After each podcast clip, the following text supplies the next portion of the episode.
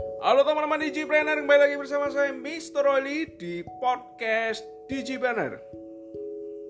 Jadi Digipreneur bersama podcast Digipreneur. Nah, podcast Digipreneur bertujuan untuk mencerahkan, mengajarkan dan menginspirasi teman-teman supaya menjadi digital entrepreneur, digital entrepreneur selanjutnya. Bersama saya Mr. Royli.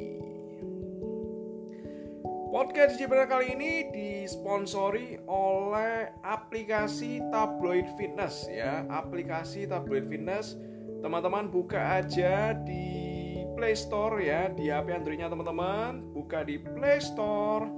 Dan teman-teman tinggal search ya tabloidfitness.com T A B L O I D Fitness ya untuk mendapatkan berita-berita online yang membahas olahraga, sepak bola dan kesehatan terpercaya di Indonesia.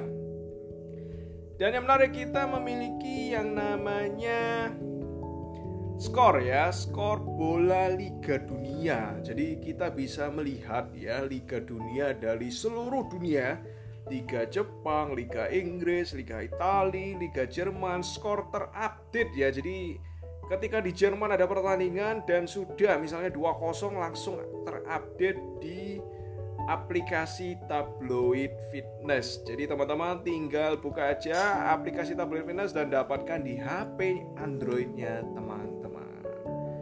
Dan kita akan juga membahas lanjutan dari podcast DigiPreneur yang lalu. Kita udah bahas di episode yang lalu tentang prinsip penting untuk mendatangkan traffic di media sosial kita ya. Kita udah bahas prinsip pertama yaitu tidak ada interaksi, ti tidak ada interaksi, tidak ada transaksi ya. Dan di podcast Gizi Planner kali ini kita akan bahas yang namanya prinsip kedua ya, prinsip kedua. Apa prinsip kedua? Prinsip kedua adalah makin eksis, makin laris ya. Makin eksis, makin laris. Maksudnya seperti apa? Ketika teman-teman semakin teman-teman eksis, teman-teman yang sekarang misalnya hanya eksis di Facebook. Nah, teman-teman mulai untuk membuat akun Instagram dan teman-teman mulai eksis di Instagram ya rutin posting Instagram setiap hari lalu juga IG story satu hari bisa empat kali ya rutin teman-teman lakukan itu lalu juga teman-teman misalnya pokoknya eksis ya di setiap channel sosial media yang ada ada YouTube ya. Dan produk teman-teman juga ada di sana ya. Bayangkan ketika teman-teman audiensnya teman-teman melihat wah produk ini ada di Instagram produk ini ada juga di YouTube produk ini ada juga di marketplace ya di Tokopedia ada di Bukalapak ternyata juga ada. Lalu teman-teman juga melihat ternyata di sosial media yang lain di TikTok ternyata juga ada ya wah luar biasa berarti ya.